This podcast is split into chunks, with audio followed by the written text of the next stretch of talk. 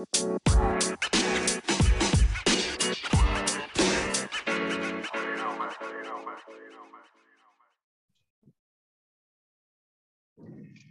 og velkommen til nok en episode av Jordbrukspodden. I dag eh, har vi med en Asbjørn som gjesteprogramleder. Så har vi vært så heldige å fått med oss eh, eh som kan introdusere seg sjøl, for vi skal ikke helt etternavnet i farten. Eh, Mariell i hvert fall, fra Troms. Kan ikke du eh, ta navnet ditt for en sånn sløv programleder som ikke husker deg i farten, og eh, hvor du kommer fra en, og hvilken type produksjon du driver med på gården din? Ja, takk. Eh, jeg heter Mariell Sole Sørensen, og eh, vi driver på med geitmelksproduksjon her på gården. Eh, vi holder til Ringvass, ut på Ringvassøya utenfor Tromsø.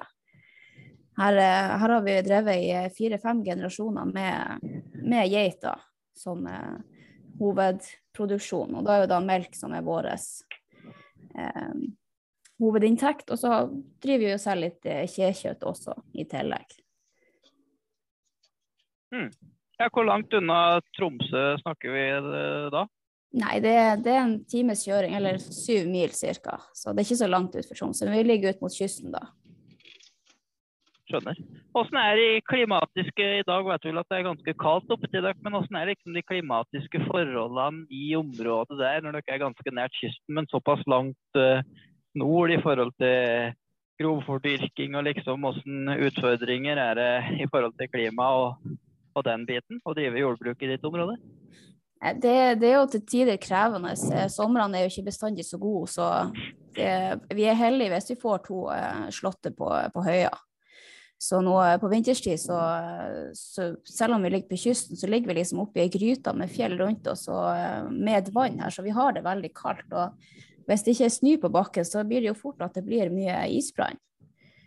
Eh, men i mm. år, i år, ser det ut som at vi, vi, ligger ganske greit an. Det har vært kommet en del snø, så vi håper at det fortsetter sånn. Hvordan var det i sommer i forhold til altså, vet jo, Helgeland og Nordland og Trøndelag og Vestlandet? Veldig mye nedbør. Hvordan var det når du kom enda litt lenger nord? Var det samme utfordringene, eller var det litt mer skåna? Nei, i år hadde vi faktisk en veldig god start på sommeren, og slutten av mai var jo veldig fin og varm, så vi fikk jo ut både kunstgjødsel og eh, frø på, eh, på, jorden tidlig. Og mai, nei, juni var jo egentlig veldig greit, så vi var litt sent ute på Slottet pga. Eh, si, ferieavvikling her. Så vi begynte å slå i begynnelsen av juli, men eh, vi ser jo det at vi kunne godt ha slått tidligere. Så i år var et veldig godt vekstår. Eh, så vi har også fått det gode anslåtte også. Mm. Hvordan produksjonsomfang det blir jo da med melkegeit? Hvor mye melkegeiter er det dere har? Hvordan liksom, eh, nå er det ganske lenge siden jeg mjølka geit. Det var tilbake på landbruksskolen. Da hadde vi jo den gamle pallen der du tok inn eten fra 18 forskjellige vinger. Hvordan liksom, system er det dere har på, på den geitmelkproduksjonen? Hvordan er det det foregår rent praktisk, liksom? Nei, vi, jo, eh, vi bygde jo nytt i 2009 og flytta inn da. og eh, Ganske moderne fjøs. og Vi har et friareal hvor alle geitene går samla. Eh, så tar vi da opp 48 eh, geiter i slengen og melker 24 da på hver side. Eh, så det går veldig fort. Vi melker jo 48 geiter på ca. et kvarter eh, før vi da slipper dem ned igjen. Så kan vi separere dem med, med porter imellom det her fellesområdet. dem som er melka, og dem som ikke er melka. Så det går liksom på en sånn rundgang inn i fjøsen på hvem som er melka og ikke. Så det er jo mm. også da et veldig automatisk system på Melkesdalen for å si, forebygge eh, helseskader i form av skulder, eh, seneskader og sånn. Så automatisk melnedslipp og perfekt høyde for oss som si, jobber mest her. Så det skal være ergonomisk og eh, automatisk vaskesystem og sånn. Så det mm. skal, ja, det skal være god funksjonalitet i, i, i melkinga. Og for dem som ikke har eh, De fleste er jo veldig mange som driver med ku, og ikke så mange som er geit. Før var det jo en del som hadde kombibesetninger, både geit og mjølkeku. Det er jo veldig få som har igjen. Men hva er som er liksom store forskjellen på mjølkeproduksjon på ei geit og ei ku i forhold til jur og mjølking og to spenner, selvfølgelig. Men liksom, hva er som er den store forskjellen? Det er vel mengden som kanskje er den største forskjellen. Uh, geiter har jo også hatt i, si, dårlig jurstilling har vel vært kanskje det største problemet. Uh, hos kyr så har de jo eh, melkerobot som pga. at de har veldig rette spenner, så kan de bruke robot. Um, vi er nødt til å jobbe litt mer manuelt for å få uh, melkekoppen på spenna. Um, og så er det jo litt innhold i melka som også er litt forskjellig fra uh, ku da, til geit. Så det er jo si, forskjellige kvaliteter og kan brukes til si, forskjellige typer ting. Hva er det som er snittytelse på ei vanlig norsk uh, melkegeit? Hva ligger du på i årsytelse, liksom, sånn cirka? Eh, årsytelsen, det, det, varierer ufattelig mye, men gjennomsnittlig per dag i alle fall, så ligger fra alt 1,5 til 2-3 liter per, per, dag. Så det, det er ikke all, all, verden per geit, derfor må vi jo gjerne ha Vi har jo da 225 melkegeiter. Um, så vi driver jo relativt stort. Uh, årsytelsen, det, det, husker jeg ikke i, i, i slengen her, men det, det, ligger i alle fall på uh, to liter i gjennomsnitt per geit. Hmm. I alle fall på vår, vår besetning. Å nei, eh, det var det, det, ble besvart nå. Men ja. Det, har, ja, det var egentlig det med antall antall og litt ytelse og sånn. Men eh, hvordan er års eh, hva skal jeg si, årshjulet? For det regner med at du ikke har altså på De som driver med mye ku, har jo gjerne eh, eh De færreste har konsentrert kalving osv. Men det regner vel med at det er konsentrert eh, kjeing på de som driver med geit. Litt sånn på samme måte som eh, de som driver med sau, eller? Ja, vi, vi, har jo, eh, vi, har jo, hatt i mange år kiing på våren for at dyrene skal kunne gå ut. Og vi har jo alle å kie samtidig. Men så valgte vi å flytte kiinga til, eh, til, høsten, fordi vi merka at vi fikk så dårlig melkekvalitet når dyrene gikk ute på sommeren. De slo jo jurene og sånn, så, så det, for vår del så, så, er det best å ha det på høsten. Og så har vi, vi har egentlig alltid hatt kiinga samtidig på alle sammen. Det, det funker best for vår del. Så vi har jo da to måneder i året hvor vi ikke har eh, noen form for produksjon, da. Så da er det helt stillstand. Har du da tilgang på regner med at det er tilgang på, eh, på si utmarksbeite som, eh, som de kan gå på på sommerstid, da? Ja da, vi har uh, utmarksbeite ligger helt inn til, uh, til gården vår. Så geitene går uh, fra i midten av juni, eller fra i begynnelsen av juni da, til, til at kiinga starter, så går de jo ut og inn som de vil. Vi har bare porten stående åpen, så med at de er gravide på sommerstid, så, så kan de sjøl velge om de vil være ute eller inne. For vi har jo en del insekter og sånn som, Eh, som ofte plager dem. Så de har fri tilgang på, eh, på, på sin skygge når de vil det. Så vi opplever at de gjerne går ut tidlig om morgenen og går seg en tur og kommer tilbake på formiddagen når det er mest insekter og kan slappe av og drikke vann. Og så går de ut igjen på kvelden da, en liten tur til. Så de, eh, de lever livets late dager i, på sine premisser. Ja. Og da opplever du ikke For det, altså, det her har jeg, opp, har jeg inntrykk av gjelder på en måte både eller både sau og ku. At du kan få rett og slett at det, det gjelder vel lammeku og det sikkert. At du, de kan bli i for godt hold før eh, kalving og lamming. Det, har du det problemet på geit at du på en måte har eh, At beite blir for godt? At de eh, holdt på å si, legger på seg litt for mye før kjeing, og at det er et problem? Eller er liksom ikke det noe problem på, når det gjelder geit? Nei, altså vi, vi, har ikke hatt det som et problem. Vi vil jo gjerne at de skal være litt feite uh, til kiinga, for at de tærer altså Etter kiinga og når melkeproduksjonen er i gang igjen, så tærer det jo en del på kroppen.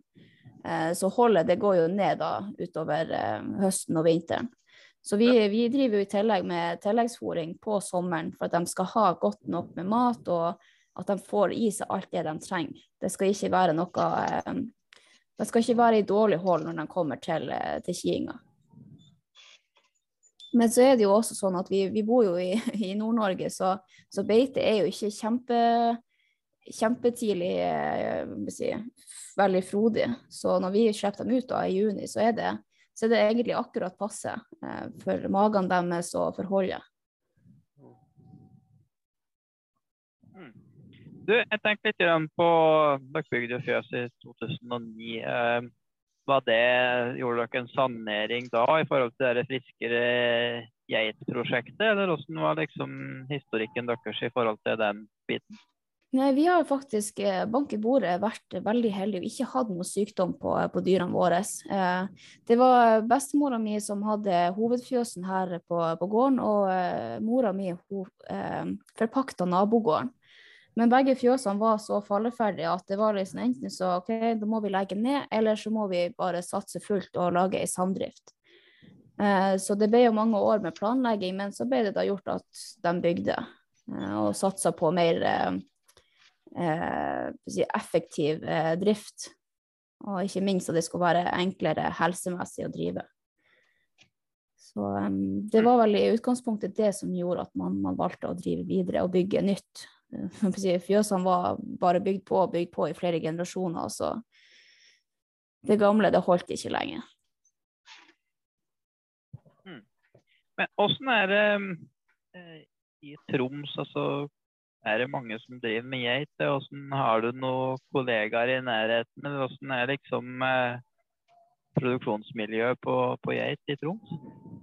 Det er jo en del geitbønder eh, her i området, eller ikke, ikke, en del, da. Vi var jo selvfølgeligvis mange flere før. Eh, men på øya her hvor, eh, hvor, vi bor, så er vi tre geitbønder. Og alle har fornya og bygd nytt de siste siden vi bygde. Og så er det jo ellers et par geitbønder spredd rundt på i distriktene her, men jeg tror vi er totalt 50 geitbønder i hele Nord-Norge. Som Dahl selvfølgeligvis leverer til Tine. Du nevner øy. Er det fergeforbindelse, eller er det bru, eller åssen eh, er det? Nei, det, vi har eh, tunnel over til oss her. Så vi er veldig greit. Mens de andre øyene rundt om har jo da fergeforbindelse. Mm. Men jeg tenkte på det her i forhold til eh, altså eh, fjøsbygg på, på geit. Kan liksom eh, si vingeløsning og sånn er liksom ganske, ganske sammenlignbart med sauefjøs, hvis du skal liksom i til oppstalling av dyrene, liggeunderlag og den type ting, at det er ganske likt? Ja, jeg vil si det. Vi bruker jo plastgulv for, for dyrene si, si vel. Um, og så er jo oppbygginga kanskje mye lik, bare at vi har veldig store si, innheng inne i, uh, i fjøsen, så det er stort fellesareal. Og så har vi jo da et, et område som da er designert til, til melkestall og melkerom og de her tingene som vi må ha i tillegg. Ellers så tror jeg det her med fòrlager og de her tingene er, er, veldig likt. I forhold til krøtter, da, som er jo Asbjørn mest kjent med, eh, så eh, er det vel litt det her med viktigheten av å kutte av fôr, og at de ikke drar inn fôr i bingene. Hvordan er det kløse? Bruker dere rundball til silo, eller hvordan er det problematikk der med den, den biten der? At de kan bli lett fôra til å dra inn i binger og sånn. Hvordan fungerer det? Vi, ja, vi bruker jo rundball eh, fordi at vi har så lange avstander til, eh, til jorden vår som vi leier og som vi da eier. Så vi, vi har ikke hatt noe valg annet enn å bruke høyballer. Eh, så vi har høyballerivere som river ned på båndene som kjører det inn til dyrene. Vi skulle jo ønske at vi egentlig hadde råd til å kjøpe en fullfòringsmaskin for å kunne kutte det opp mer. For vi merker jo at de drar jo selvfølgeligvis mye inn i inn, i båsene og, og, sånt. Så det, vi koster jo en gang om dagen for å holde gulvene rene og pene. Så, mm. men, eh, men, vi har jo da ei sånn her eh, biopress, altså den kutter jo høyet mens hun tar det inn, så det har hjulpet på i forhold til de gamle pressa. Men uh, vi merker at det er ikke nok, egentlig. Så en fullformikser sto på juleønskelista, men den dukka, ikke opp under tre Nei, år? Nei, den, den dukka ikke opp under tre år. Så vi, men vi, vi planlegger og legger inn i budsjettene våre så at vi jobber mot å, eh, å, gjøre det. For vi har jo hørt veldig mye godt om de her fullføringsmaskinene. Så eh, på sikt så er det noe som vi ønsker å investere i, for det vil jo være med å forebygge den kostinga som vi gjør i dag. Mm. Eh, sånn, nå har dere et ganske nytt fjøs og et driftsopplegg som virker som det fungerer godt. Eh, tenker dere nå liksom holde dere på det nivået dere er der, eller har dere noen andre planer eller liksom for drifta framover? Ser det ut som at dere liksom holde dere på det nivået dere er og prøve å optimalisere drift, eller er det liksom andre, andre planer, eller hvor ser dere for dere liksom framtida?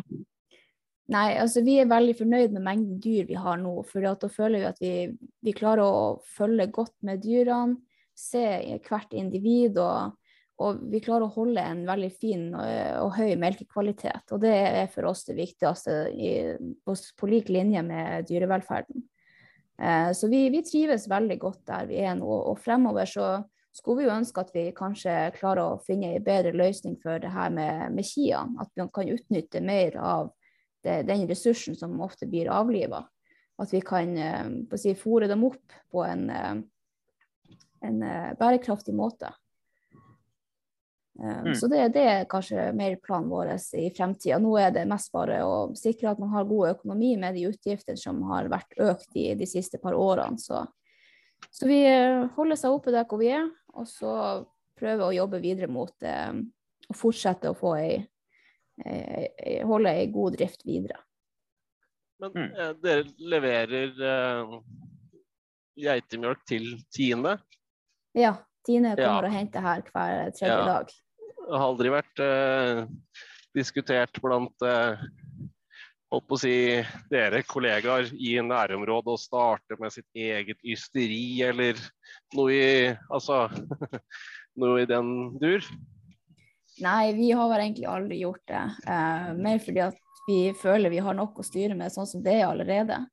Jeg driver jo litt med, med, med skinnprodukter på, som hobbybasis, men uh, det er Nei, det, jeg føler at det er allerede for lite timer i døgnet, så uh, inntil videre så blir det ikke helt på vår agenda. Nei, altså jeg, nå skal ikke Det er ikke meninga å henge ut Tine på noe vis, men jeg har Eh, og uten at jeg har voldsomt stor kjennskap til geitemjølkdelen av Tine, men jeg har, jeg har vel fanga opp litt sånn Hva skal jeg si, da? At ikke alle geitemjølkprodusentene i Tine er uh, like fornøyd med hvordan Tine klarer å utnytte Eh, den geitemjølka som, som, eh, som, dere produserer. Og, den, og, sånn jeg har forstått det, da. Eh, jeg er som sagt ikke noe ekspert på geitemjølkproduksjon overhodet, men, men mjølka som norske geitemjølkprodusenter produserer, er av en veldig god kvalitet. Sånn har jeg skjønt det. Og har blitt veldig mye bedre i løpet av de siste åra. Ja, ja. det, stemmer veldig godt. Vi har veldig strenge krav for, for hvordan kvaliteten på melka skal være. Um, så vi merker jo det at med strengere krav så blir det jo vanskeligere å levere den kvaliteten som de ønsker. Men um, jeg tror nok mange geitbønder vil kjenne seg igjen med at man kanskje skulle ønske at Tine var flinkere med reklamering av produktene. Eh, også det med å bruke fantasien og lage nye produkter. Eh, nå i år så hadde de jo en del nye eh, produkter med geitmelk eh, i. Eh, så det er jo et steg i rett retning. Men man skulle ønske kanskje det var mer eh, reklamert for det. For det er veldig mange som har fordommer mot geitmelk og mener den smaker herskt eller ja, at det ikke er god melk. Men uh, Tvert imot, geitmelka er kjempegod, og jeg bruker den ofte. Jeg henter jo fra tanken da, og bruker i vafler og i saus og i frokostblandinga. Så jeg kan bruke den på akkurat samme måte. Så jeg skulle gjerne ønske det var bedre reklamert for, i alle fall. Ja, altså det jeg oppfatter, da, er at uh, geit, altså, det er jo ganske Altså, Geitemjølk er kanskje ikke så like godt kjent, men de fleste i Norge som uh, spiser noe annet enn utelukkende Norvegia da, en gang iblant, vet jo at det er jo ganske mange uh, altså Geitemjølk er jo en ingrediens i ganske mange kjente og velkjente oster.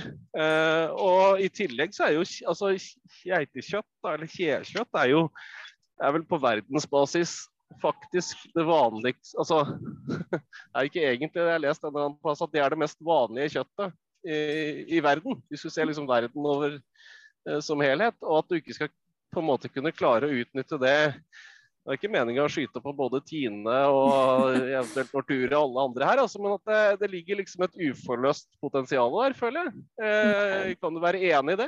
Veldig, veldig enig. Både geitmelk og geitkjøtt og kikjøtt og sånn er jo det som er mest konsumert av melk og kjøtt i hele verden. Det er vel egentlig mest bare i Skandinavia at vi ikke har brukt den si, ressursen som det er, annet enn selvfølgeligvis til den mest kjente si, brunosten, da. Eh, men altså, potensialet er der. Det er fantastisk melk som har ufattelig si, rike kvaliteter. Og kjøttet er jo også veldig magert og rikt på protein, så at ikke det brukes mer, det, det tror jeg er bare at man, man, er ikke vant til å bruke det. Eh, fra gammelt av så var jo geitkjøtt si, eh, fattigmannskost. Mm.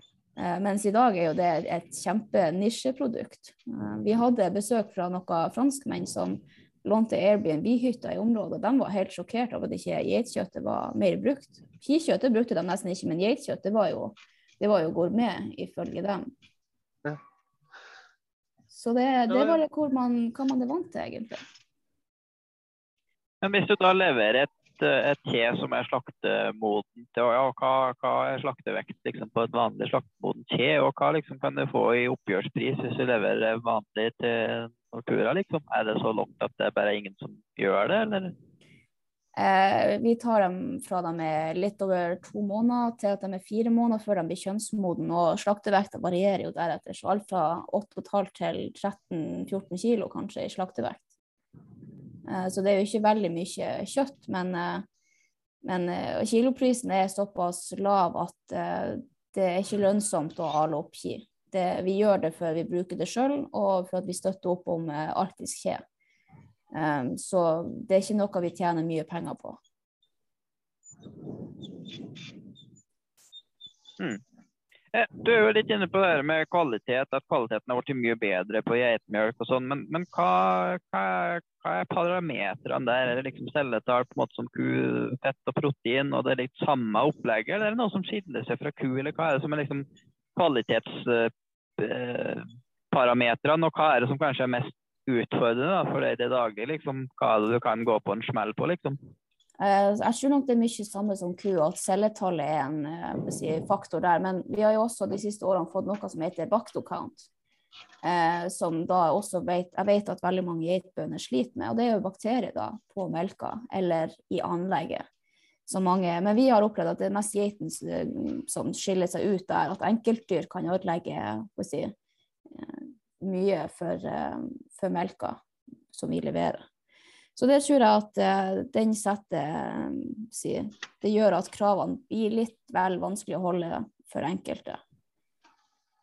Uh, så ja, celletall og Vi har jo vi, vi, begynte jo å avle frem litt franske dyr eh, her hos oss for at vi skulle få mindre frie fettsyrer.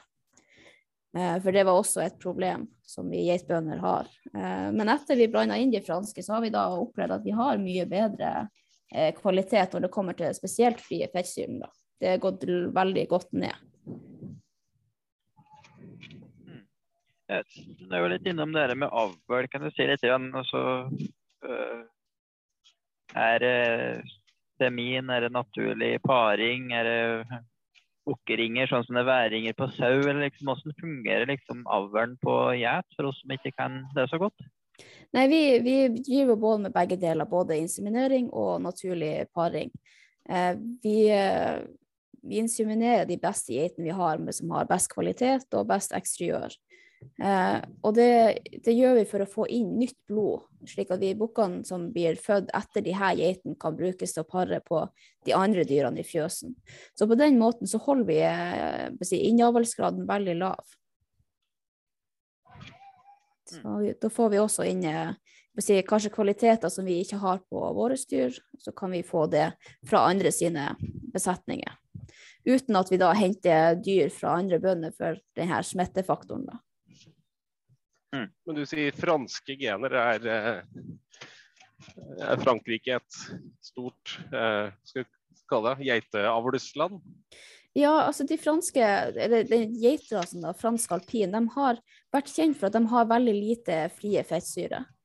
Eh, ja. Så vi prøvde jo det her da for en del år tilbake, og hadde jo kjempegod eh, resultat ut av det. Men de hadde veldig dårlig si, jureksteriør, så det var skeive spenner. Og, så nå jobber vi jo da med å avle det bort. Um, men den gode kvaliteten på melka, den, den blir. Den har virkelig vært eh, noe som vi har bemerka oss at har vært en positiv eh, forandring for vår del. Men, men, når du sier ingeniør, inseminører dere sjøl som eieringeniører, eller hvordan fungerer det? Ja, mamma hun har eh, tatt insemineringskurs, eh, så hun gjør det sjøl. Men det er jo, det er jo et komplisert eh, si, prosess, og jo, man skal være nøye. og Det er jo ikke bestandig vi får klaff på alle. Det er jo en si, prosentandel som ikke tar, da, som da blir para på en naturlig måte. Mm. Hva er det som er liksom mest komplisert eh, med å drive med geit? Det, det er vel en kombinasjon av alle ting, men eh, hva er liksom hva er det som gjør om du lykkes eller ikke? Hva er liksom nøkkelfaktorene for å få til et godt resultat når du driver med geit? Det er rett og slett å legge ned mye jobb i, eh, i å produsere godt grovfôr.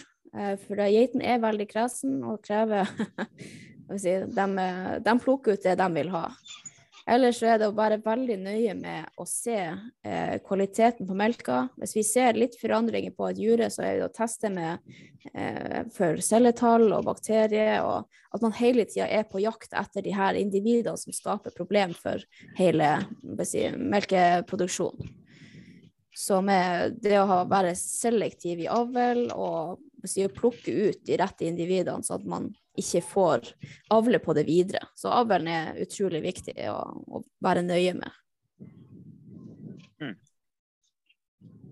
Men er det litt sånn, er vi god margin i forhold til å være en kritisk uh, masse med hjelpemjølkprodusenter i forhold til avl, eller er det liksom Kan det ikke uh, eller kan det kunne vært mye færre geitemelkbønder, eller er det liksom avhengig av at de som er igjen nå, må faktisk være igjen for å ja, få avl og og sånn til å fungere? Eller åssen liksom ja, altså, helhetsbildet for geit? Liksom? Ja, altså jeg syns jo det at det burde Geitmelksproduksjonen og drifta i seg sjøl burde virkelig styrkes opp. Vi er bare 244 geitbønder som leverer til Tine igjen i hele Norge. Så vi er ikke så veldig mange å ta av, og det legges jo ned flere i året. Um, så det, det, er skummel uh, retning vi går i. Uh, man skulle gjerne hatt et mer mangfold uh, av bønder som som produserte veldig gode dyr eh, for å få variert avl. Sånn som det her med insemineringa. Det, det å få inn nytt blod fra andre bønder er utrolig viktig, og jo færre det blir, jo vanskeligere blir jo det. Så eh, det er uten tvil om at det burde bevares, de bøndene som allerede er, eller som er da igjen.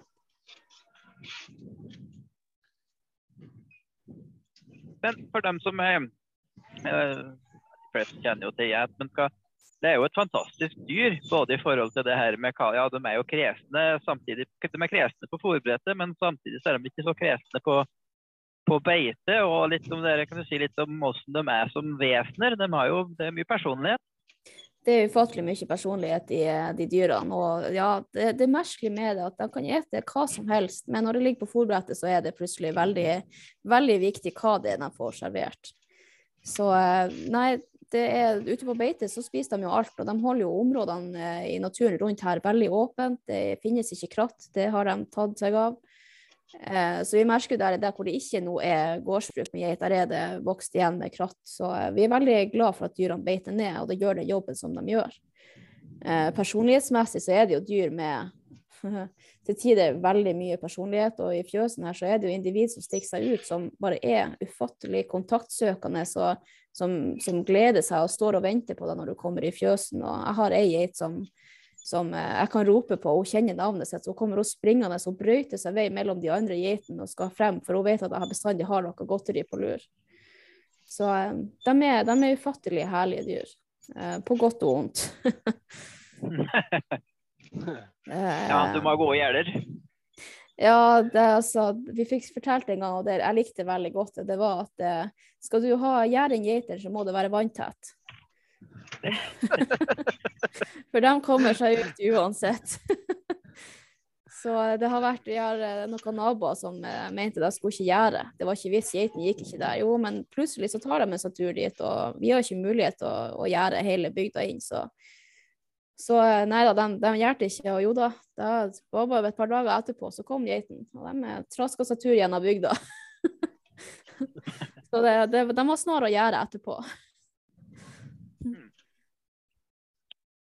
Men eh, hva er det som eh, handler om økonomi? At folk slutter med gjet, eller andre faktorer? Før så var det jo mange som Nå, nå har jo alle sanert, så før var det jo liksom Ja, kanskje at man slutta pga. den bøygen der, men hva er liksom Det høres jo veldig trivelig ut og romantisk eh, med geit på utmark og trivelige dyr. og Hvorfor velger folk å slutte, da? Jeg tror det er fordi at å drive med geit er veldig fysisk tungt, selv om man ikke skulle tro det. Geiten er de kan være djevelsk tider, og kostnadene er store på reparasjoner på innregninger og på, på skader på, på, dyrene i, seg sjøl. Eh, geitene er utilgivelige dyr når det kommer til i flokken. Der er det, er det ikke høyest på rang, så ja, står du i veien, så synd for deg. Så vi har jo hatt utrolig mye reparasjoner fordi at geitene tygde sånn, de spiste sånn, altså de, de står og gnikker på det med hodet. Det, altså det, det, altså grunnene er mange. Men også det at du må være så selektiv i, i avlen, og celletallet skal så lite til for at geiteren plutselig produserer dårlig melk. Jeg tror det her med de høye kravene fra Tine, det tunge arbeidet, og si, kombinert så blir det veldig tungt hvis du ikke eh, si, eh, får det til å gå din vei. Så produsere når du får melkestopp flere ganger på rad, og, og sånt, så, så, er det ikke noe gøy å holde på lenger. Og økonomisk så blir det veldig vanskelig. Det, er... det har blitt, eh, det har blitt uh, høye krav. Altså det har blitt et krev, krevende det har blitt et krevende yrke. Eh, kanskje ja. mer krevende enn det det var. Og at du hele tida må være på eh, på tå hev, på en måte. Og ja. Ja, absolutt. Det er, det, det er, mange som har kommentert at det kanskje har blitt litt for høye krav fra, fra Tine. Um, og det har vi jo merka, vi også. Etter den baktokanten kom nå, så har det jo vært mange som, som sliter med å holde bakterier nede. Og det er ikke bare bare. Det er veldig fortvilende når du prøver å gjøre masse tiltak, men det er ingenting som egentlig hjelper. Da blir man litt fortvilt. Det må være oppfordring til eventuelt politikere eller andre som hører nok en gang. Det prøver vi å ta med hele tida. Se viktigheten i den produksjonen, hetmjølproduksjonen, eh, og virkelig betale det for den innsatsen det krever. Og så at man får lønn for streven når det at kvalitetskravene blir skjerpa inn. Og, og, det blir mer arbeid. Og det krever, krever jo da kontinuerlige investeringer som du sier, da, for å holde ting ved like og i orden. Absolutt. Så det blir en oppfordring. Men du grunnen til at vi var, kom litt i kontakt med deg, jeg si, det var jo at du var jo ute i media med en litt sak i forhold til utfordringer med arbeidskraft i landbruket. Og du har vel prøv, sjøl prøvd å rekruttert eh, avløsere og har slitt litt med det. Eh, hvordan er liksom erfaringa di med hvis du skal ja, hvis dere skal til hele familien skal bort i et selskap 50 mil unna og få seg avløser og den biten, eller hvis det er sykdom og det er ufattelig vanskelig. Det, vi har jo vært så heldige at vi har hatt faste avløsere i si, nesten 14-15 år. Og når de da si, ikke hadde lyst til å jobbe mer for enn to år siden de skulle tilbringe tid med familien sin, for det her var jo da avløsere fra eh, Litauen. Og vi, jo, vi, skjønte det jo veldig godt, så vi, vi, kunne jo ikke si nei. Det er jo veldig enkelt. Så etter det så har vi jo vi har vært på konstant leting etter avløser, for vi, vi er nødt til å ha en person til, egentlig 100 og har løst ut stillingen nå da i, i høst. Eh, for vi har vært heldige og hatt si, folk i nærheten som har kunnet jobbe. og det. Så nå når vi har prøvd å liksom finne ut at OK, vi kan eh, ansette noen 100 eh, og regner med at med boplass og sånn, så skulle det ikke være noe problem. Men det har vært så dårlig respons. Og de som har tatt kontakt, har jo vært eh, utlendinger, eh, flyktninger som prøver å få seg jobb. Eh, lista er lang. Men eh, jeg har hadde to søkere som var norske, eh, men de gikk ennå på skole. Så utfordringa med å, å, bo på distriktet er at det er ikke så enkelt. Så eh, det har vært, eh, det har vært en lang leiting etter potensielle si, arbeidstakere, men det har ikke vært til så langt. Så stillinga er fortsatt ledig til dem som ja. andre som eventuelt hører på, kan være interessert i det? Ja, absolutt. Det er, vi, jo, vi ligger jo i et veldig naturskjønt område, um, så, og har si, plass å bo, men det har ikke vært Folk virker ikke interessert i å si, Folk vet det er tungt arbeid, og det er jo ikke kjempegodt betalt arbeid heller, selv om vi følger tariff og si, alle de her tilleggene som vi må følge. Men som, som, bonde så har man jo ikke for, for, god inntekt til at man kan lønne folk over evne. Man lønner jo de ansatte bedre enn man lønner seg sjøl. Mm. Men det, vi har jo snakka mye om det her med jamstilling og få til det for bonden. og Det som kanskje ikke har kommet godt nok fram, men som vi også har prøvd å kommunisere når vi har snakka med politikere og andre, det er jo det at vi ønsker jo da å prøve å løfte den minstetariffen i jordbruket òg, sånn at det blir mer attraktivt å være avløser og landbruksvikar osv. Fordi eh, det har jo en sammenheng, den statusen, i forhold til den lønna de har òg, akkurat som oss. da, så det, det henger jo litt i hop. Tror du at det vil bli enklere hvis bonden får en mer fornuftig økonomi, og at da vil på en måte kunne betale mer, da, og at det blir lettere å rekruttere? Tror du det har en sammenheng? Absolutt. Samme som med alle andre yrker. Hvis du bare betaler bedre og at vilkårene er bedre, så vil det selvfølgeligvis bli flere som er interessert i å jobbe med det. Jeg tror jo det at eh, rekrutteringa til eh, yrket vårt har vært utrolig dårlig. Eh, selvfølgeligvis pga. fraflytting fra distriktene. Det er færre og færre som vokser opp med det her. Men jeg tror at hvis man hadde vært mer målretta og fått politikerne med på at vilkårene for bøndene hadde blitt bedre, så kunne bøndene ha gitt bedre vilkår til de avløserne. Det, det, er ingen tvil om det.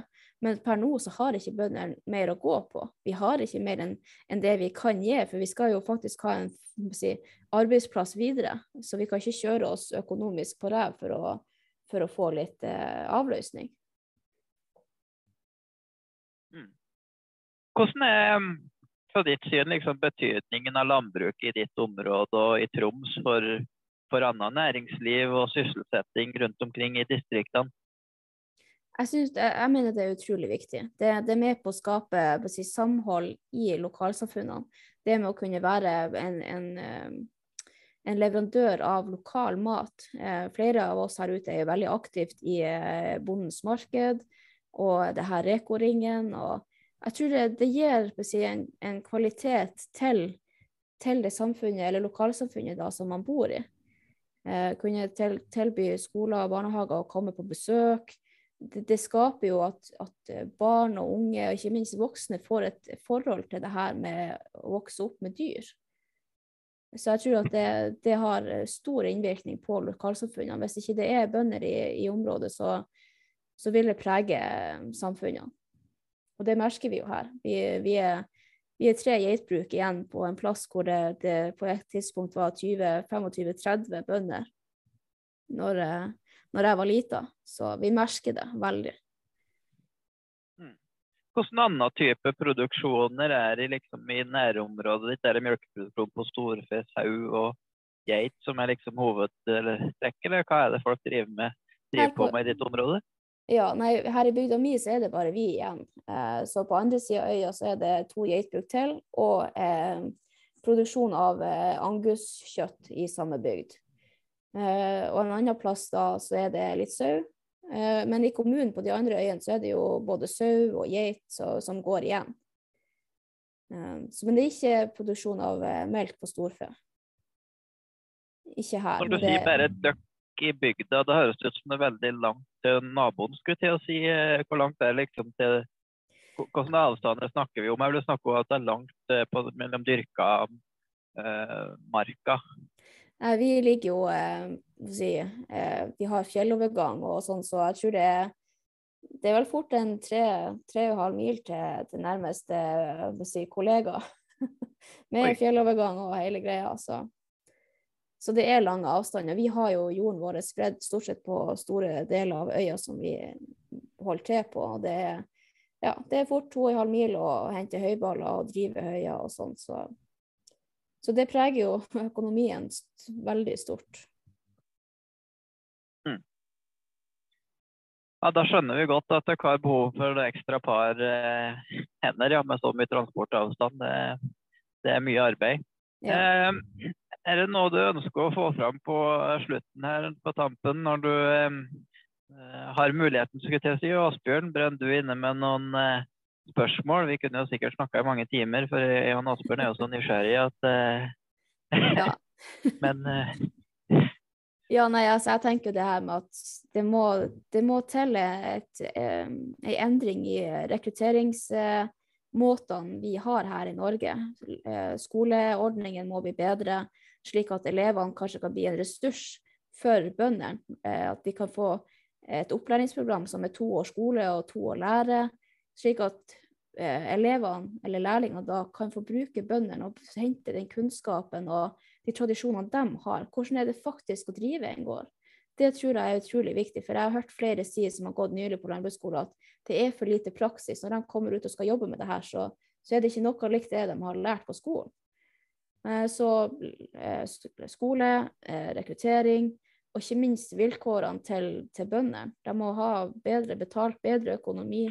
Vilkår eh, har alt å si for bønder nå fremover hvis ikke det gjøres en endring på, på de her tingene, så tror jeg ikke det vil være veldig positivt å være bonde eh, egentlig fra nå av og ut. Men det vil bli færre og færre eh, hjelpere som avløsere og si, rådgivere. Altså Landbruket er så mye. Det er ikke bare avløsere vi trenger. Det er alt mulig. Veterinærer og Så eh, det største av ja, vi hvordan er veterinær, eh, veterinær Vi har hørt mye om veterinærer og en del i Nord-Norge. Hvordan er det i ditt område? og Er det noen farer der, liksom, hvis det er flere som slutter med de avstandene? Problemet her er vel at vi har for lite veterinærer. Det er, Skulle det skje noe akutt, så er det ikke sikkert du får mulighet til å få hjelp for at du er på et annet oppdrag. Eller, så det, er, det burde vært flere, slik at man, man, man kan føle at man kan få hjelp hvis det er en krisesituasjon. Eh, Det tror jeg er, ville vært til en god forandring ha hatt flere. Det blir, det blir vel litt sånn eh, høna og egget-spørsmål òg. For hadde det vært flere produsenter, eh, større Altså flere husdyr, rett og slett, i området, så hadde det vært eh, Hadde det kanskje vært mark si marked for, eller behov for flere veterinærer, så hadde du fått bedre dekning på den måten òg. Så, så det er liksom litt sånn Det er det som er litt skummelt med eh, Altså, hva skal jeg kalle det? De delene av Landbruks-Norge som eh, Der det begynner å bli veldig tynt mellom, mellom eh, Altså langt mellom bruka og eh, og eh, antall bønder holdt håper å si, tynnes ut. Da, da til slutt så når du et punkt hvor det er veldig langt til, eh, til nærmeste nabo. og det, det blir såpass få husdyrprodusenter at det er vanskelig å få tak i veterinærer fordi det er lange avstander osv. Men eh, det jeg tenkte jeg skulle spille inn apropos eh, det du nevner med, med utdannelse og kanskje en bedre eh, altså en landbruksutdanning som er litt mer praktisk retta osv. Jeg tenker jo at det er eh, greit å ha med seg framover at det er ikke gitt at alle som skal jobbe med landbruk eller innenfor landbruk de neste 10-15-20-30 åra kommer fra gard sjøl. Det var liksom kanskje sånn vi har tenkt eh, i gamle dager, skulle jeg si. At du har vokst opp på gård, og så tar du over gården, og så, og så har du på en måte landbruket inn med eh, morsmjølka, skulle jeg si. Men, men eh, vi, det er jo eh, det, må jo kunne gå an å komme fra ikke, å ikke ha vokst opp på en gård og ha lyst til å jobbe med landbruk og ha muligheten til å overta en gård eller begynne som rådgiver eller et eller annet. Og da er jo den utdanningsbiten kanskje enda viktigere, da. For å få rekruttering kanskje fra andre, andre enn bare fra, eh, fra gårdsbruk. Da. Absolutt. Jeg tror også det at eh, for ungdomsskoler og, og mellomtrinnsklassene at å få komme ut og få besøke gårder er utrolig viktig. Å få et forhold til, til hva det er for noe. Ikke bare det å være en bonde, men si, landbruksmekaniker. Få se utstyret som man, man jobber med. Få et inntrykk av hva er det her for noe. Kan det være noe for, for deg? Det er liksom det.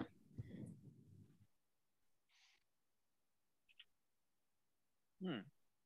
Nei, men det tror jeg var en god, eh, god avrunding. Og så håper vi at eh, politikerne tar din oppfordring på, på alvor og virkelig vil være med å bedre vilkårene for gjetmjølkproduksjon og alle andre produksjoner, og kanskje spesielt i de grisgrendte områdene der det virkelig tynes på produsentmiljøet. Tusen, tusen Mm. takk for at du var med oss i dag.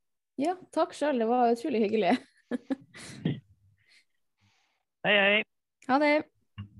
Ha det.